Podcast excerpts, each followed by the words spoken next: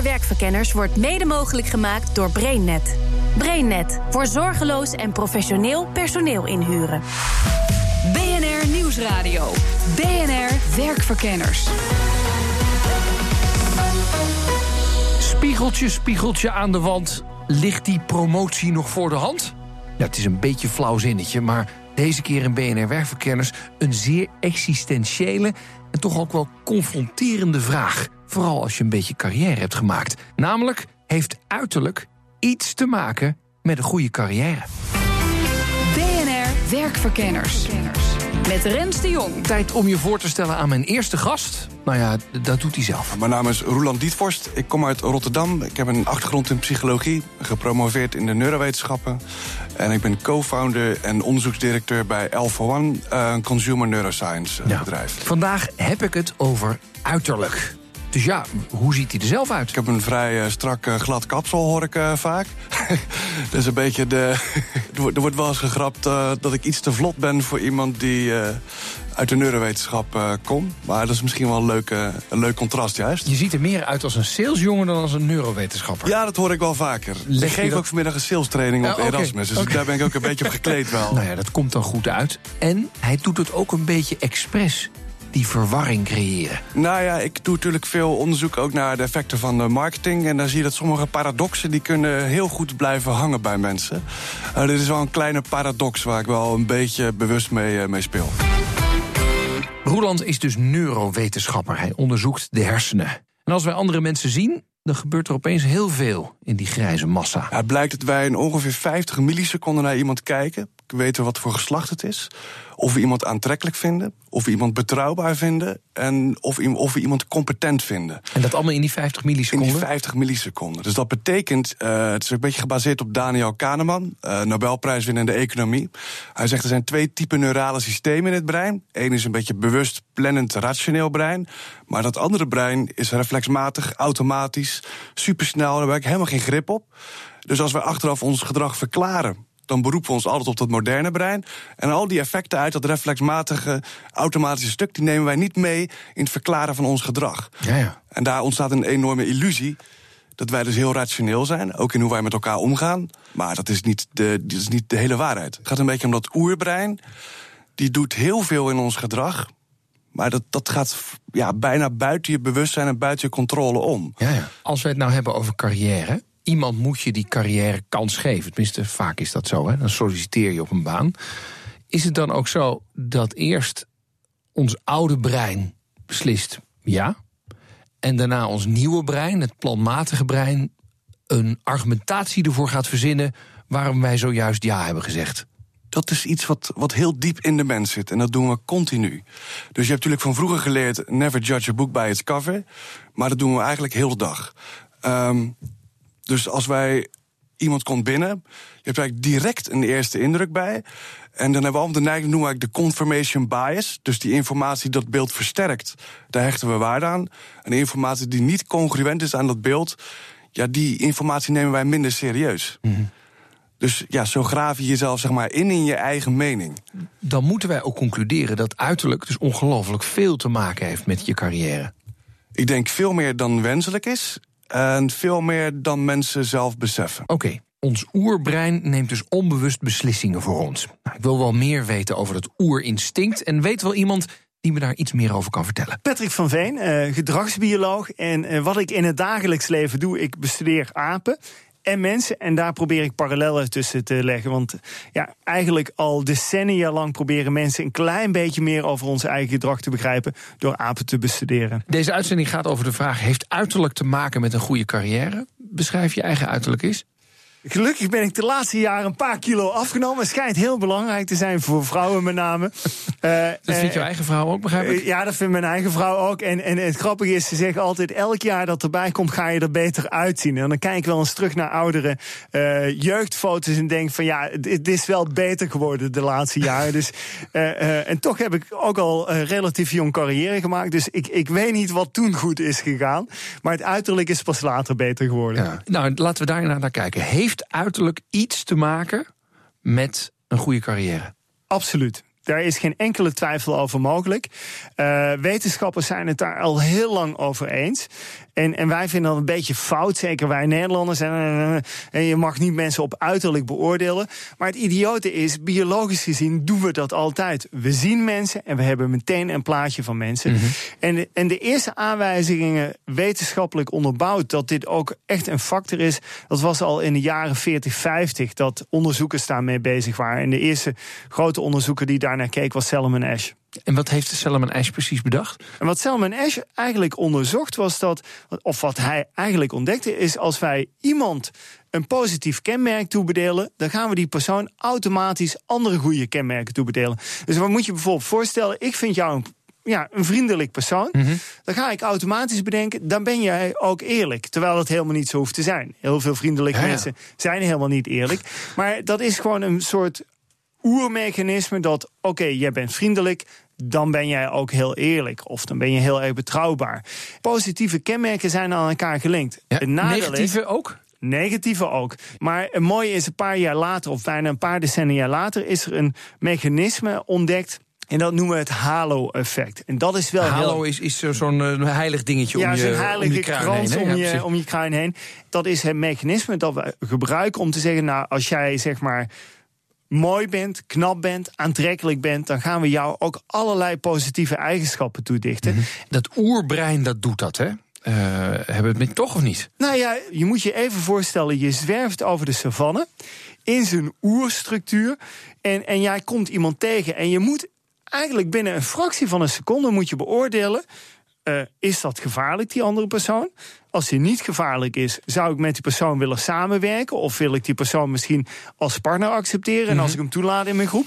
is het dan ook nog een potentiële leider van mij? Nou ja, we kijken dus naar werknemers en collega's alsof we nog aan het jagen zijn op de savanne. Nou ja, onderbewust dan. Maar naar welk lichaamsdeel kijken we dan? Roland Dietvorst kent een bijzonder onderzoek over monden. Ja, een vrij unieke studie. Die werd een paar maanden geleden terug in de US gepubliceerd. Daar keek ze naar de mondgrootte bij mannen. En bleek eh, bij de CEO's van de Fortune 500 companies. Hoe groter de mond van de CEO, hoe succesvoller mensen denken dat hij is.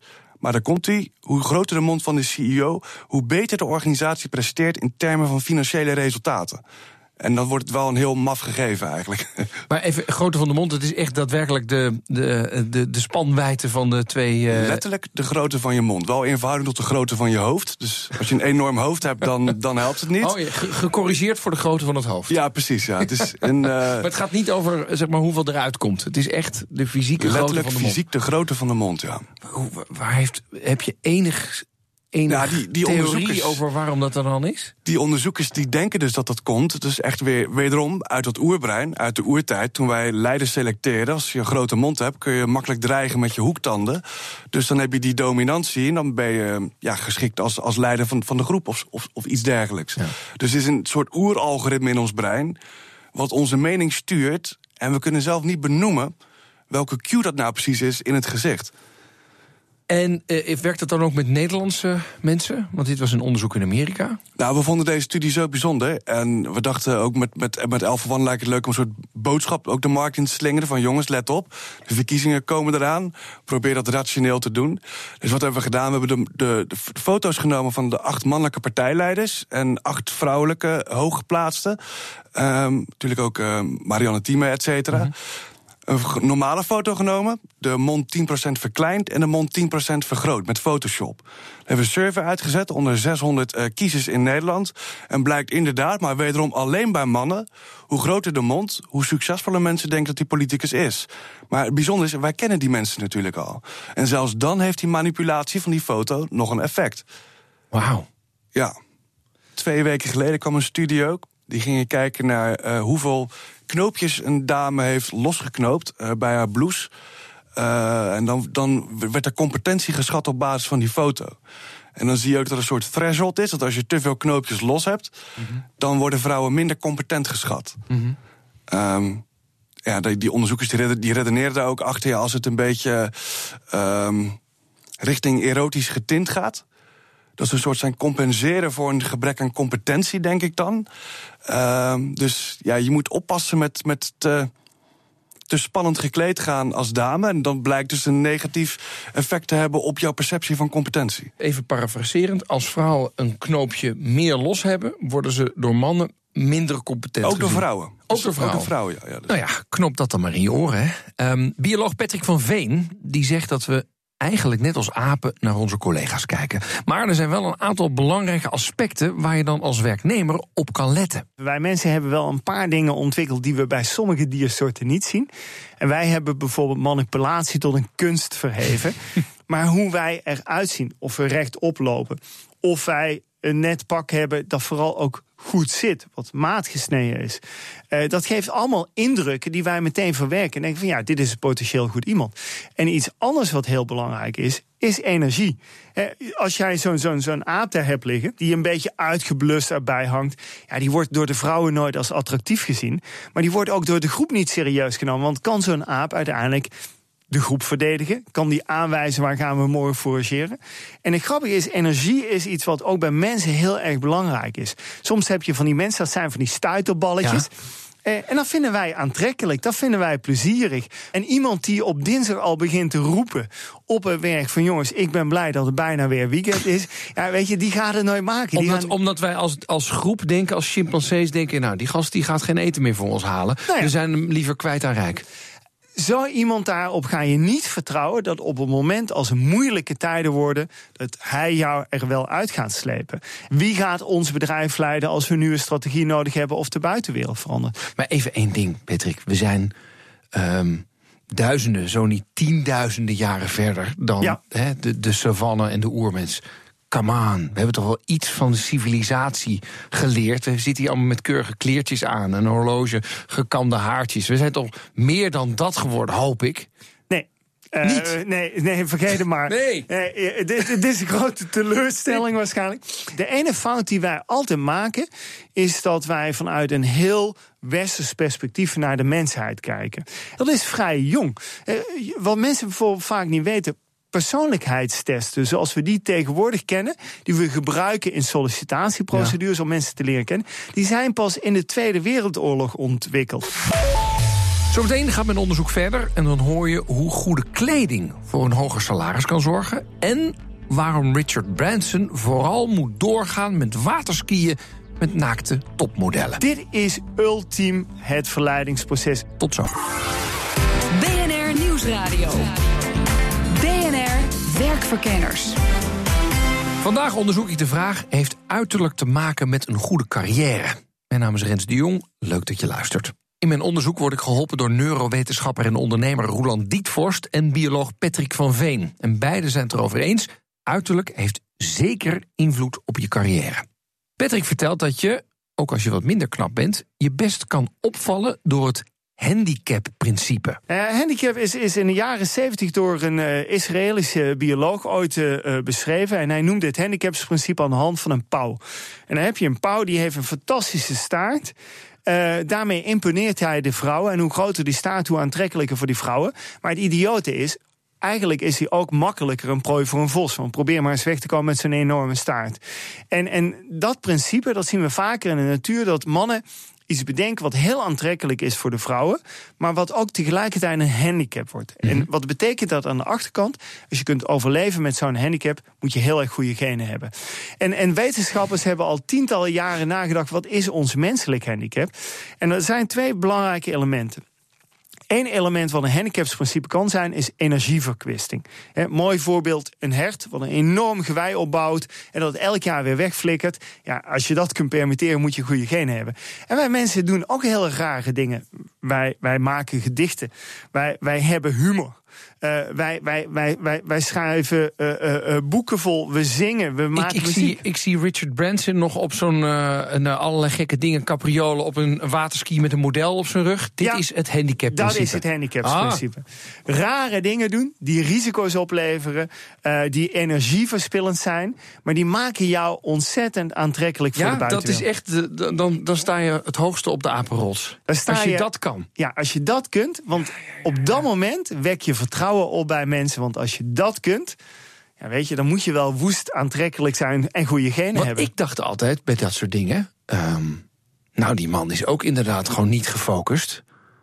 Hè, zo Richard Branson. nee, nou die, ja, die, die, die, moet vijf bedrijven leiden, wat die aan doen eh, aan, aan, het, aan het waterskiën met topless vrouwen. Ik denk, nou, daar snap ik helemaal niks Ja, van. of hij Maar- gaat met ballonnen varen, ja, daarom. Dat rare is dingen eh, rare- maar jij zegt, dit is dus het handicapprincipe. Ja, dit is ultiem het verleidingsproces, maar ook je fysieke kracht. Dus je laat zien dat je heel krachtig bent. Zo krachtig zelfs dat je en vijf bedrijven kunt leiden.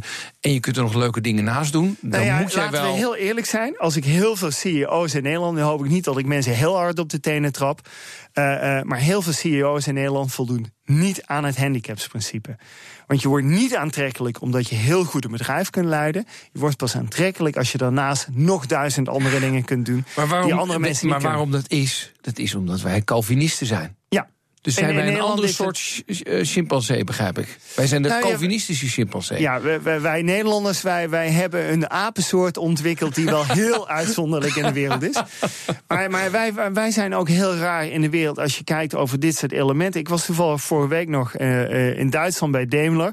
En toen zat ik met iemand van de afdeling HR te praten over sollicitaties. En wat zij zich niet kunnen voorstellen, is dat wij in Nederland sollicitatieproces hebben, sollicitatiebrieven zonder foto. In Duitsland is dat absoluut een must. Uiterlijk speelt onmiddellijk een rol bij de selectieprocedure. Uiterlijk is een ontzettend belangrijke factor. En jouw uiterlijk bepaalt hoe de groep op jou gaat reageren. Jouw kleding bepaalt hoe de groep op jou gaat reageren.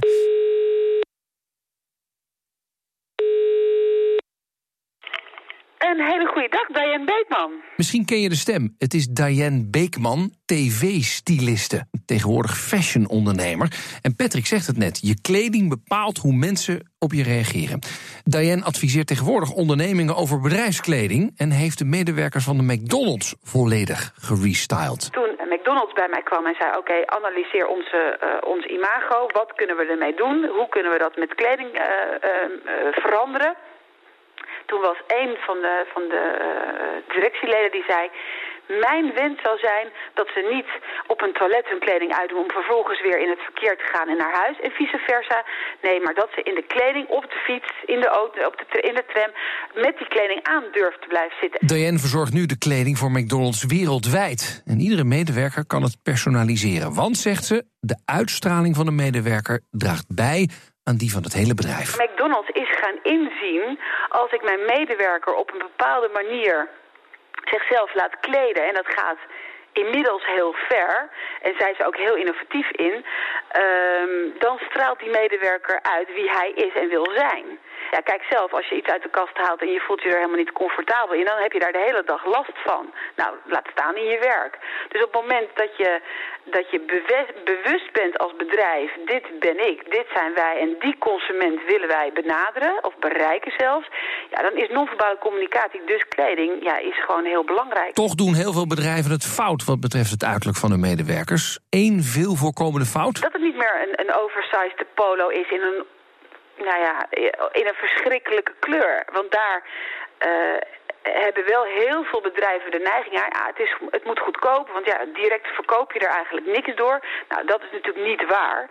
Want als je uitstraling klopt, je logo klopt en alle, alle uitingen kloppen, is dat image. Dit is de praktijk. Even terug naar de wetenschapper Roeland Dietvorst. Hij heeft wetenschappelijk onderzoek dat bewijst dat kleding invloed heeft. Bijvoorbeeld als je een merkje draagt. Er is een onderzoek geweest, eh hebben mensen gaan laten collecteren voor een goed doel, eh, Nederlandse Hartstichting. Eh, maar die mensen hadden dan een polo aan met of zonder Lacoste-logo. Eh, als je het aan mensen vraagt, denken de meeste mensen dat je minder geld doneert als iemand met een Lacoste-polo komt. Ik denk mensen hebben iets van stop, stop het er lekker zelf in, denk ik dan of zo. Maar het blijkt dus dat mensen twee keer zoveel geld ophalen als het Lacoste-logo aanwezig is. Oh, dus als ik ga onderhandelen met mijn baas over mijn salaris... moet ik een Lacoste polootje aandoen.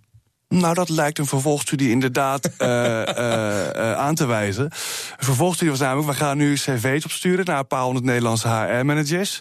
En op dat uitgebreide cv staat ook een foto. Dan weer met Lacoste polo of zonder logo. Als je aan die HR-managers vraagt... hoeveel zou die persoon moeten gaan verdienen... als je hem voor de organisatie aanneemt... dan zeggen zij dat hij ongeveer 15 tot 20 procent hoger salaris krijgt... met Lacoste polo. Wauw. Nou, dan is het toch eh, een goede investering, zo'n polootje. Dat zijn geen windeieren. Dit gaat vooral over kleding. Maar dus ook iets als gedrag. Bioloog Patrick van Veen weet dat gedrag heel belangrijk kan zijn voor een carrière binnen een bedrijf. Je hebt twee mechanismes. Eh, om de baas te worden heb je ander gedrag nodig dan om de baas te zijn. En, en ik vergelijk het altijd met een chimpansee. Het chimpansee-mannetje wat het hardste de vrouwen vlooit, dat wordt de leider van de groep. Er is onderzoek naar gedaan en het blijkt bijna altijd zo te werken. Maar op het moment dat je de leider van de groep bent, dan moet je gaan imponeren, dan moet je die positie verdedigen en dan moet je ook echt je fysieke kracht uh, demonstreren. En in organisaties zie je bijna hetzelfde gebeuren. Ik, ik heb wel eens ooit bijvoorbeeld chirurgen geobserveerd en dat vond ik heel mooi. Als je maatschapslid was, als je partner van de maatschapschirurgen was, dan liep je open met de witte jas. En chirurgen hebben meestal zo'n mooie rode broek aan of zo'n zo mooie ribbroek, hè, dat hoort ook bij de status. En, en daarboven hebben ze dan die witte jas. En die witte jas die moet open hangen. Daar, daarmee loop je te zwieren als je door die gangen holt. En het grappige is, dan mag je alleen als je ook echt maatschapslid bent. Ben je nog geen maatschapslid, ben je nog in de opleiding, dan moet je je jas dichtknappen. Dat zijn hele cruciale elementen.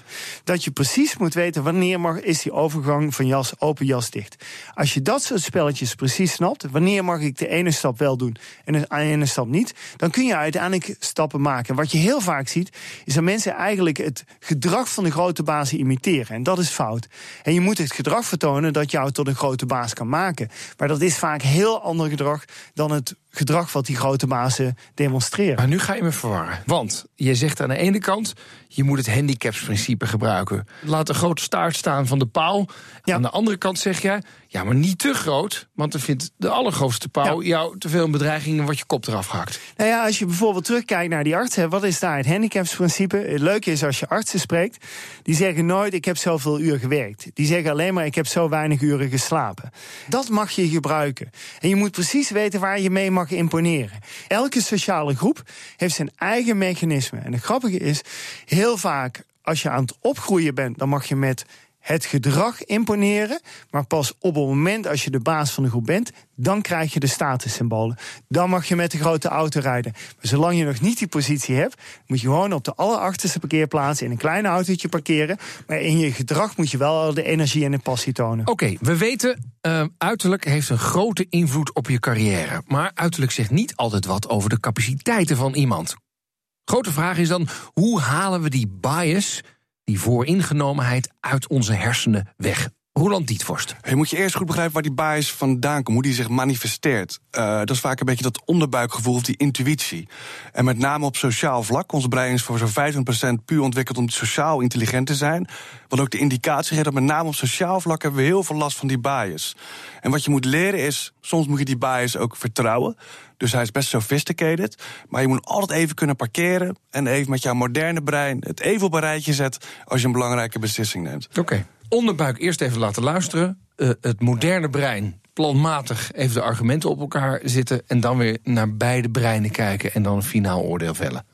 Dat denk ik, ja. Allemaal leuk en aardig, maar de wereld blijft hard. En Patrick van Veen zegt waar het op staat. Knappe mensen hebben nou eenmaal een streepje voor op de rest. Dat, dat is keihard te leven. Maar ja, we hebben één geluk. Wij kunnen heel goed manipuleren en compenseren. Noem mij nog even twee manipuleertips. Ik zeg altijd, een chimpansee kan zichzelf in een spiegel herkennen en hij maakt gebruik van die kennis. En soms zie ik mensen in organisaties rondlopen en denk van joh, Wanneer heb jij voor het laatst in een spiegel gekeken? Als je maar bewust bent van wat jouw uitstraling op de rest van de wereld is. Kijk tien keer op een dag in de spiegel als je gewoon op het toilet bent. Want dat is het plaatje wat jouw klant, wat jouw collega ook waarneemt. Het andere wat je kunt doen is, is we hadden het over het handicapsprincipe. Waarbij ik zei van ja, weet je, energie is ontzettend belangrijk. En, en mensen die zullen jou beoordelen op dat eerste plaatje. En het grappige is, dat eerste plaatje, dat is natuurlijk of je knap bent, of je symmetrisch bent, of je vlekken in je gezicht hebt. Maar dat eerste plaatje is ook de totale uitstraling. Loop jij te lachen? Toon jij energie? Hang je onderuit of zit je ergens rechtop? Al die informatie die verzamelen wij meteen. En het tonen van energie, dat geeft je onmiddellijk een voorsprong. BNR Werkverkenners. De conclusie. Vandaag onderzocht ik de vraag: heeft uiterlijk invloed op je carrière? En ik kan zeggen, na uitgebreid onderzoek, ja, heel veel. Eén, dat komt omdat ons oerbrein in milliseconden beslissingen neemt, die we daarna weer gaan goed redeneren met ons moderne brein. Twee, niet alles draait om uiterlijk. Door het handicapprincipe kan je opvallen door bijvoorbeeld humor te gebruiken, kunst, imposante acties die niets met je werk te maken hebben, maar je wordt er wel een stuk aantrekkelijker van. En drie, met simpele dingen als goede kleding, veel energie, vinden mensen je op een of andere manier ook best knap. Hoopvol, toch? Volgende uitzending hebben we het over millennials. Doen bedrijven voldoende hun best om die mensen binnen te halen en te houden? Wil je meer van deze uitzendingen? Kijk dan even op de BNR-app of in iTunes. BNR Werkverkenners. Tot volgende keer. Dag. BNR Werkverkenners wordt mede mogelijk gemaakt door BrainNet. BrainNet voor zorgeloos en professioneel personeel inhuren.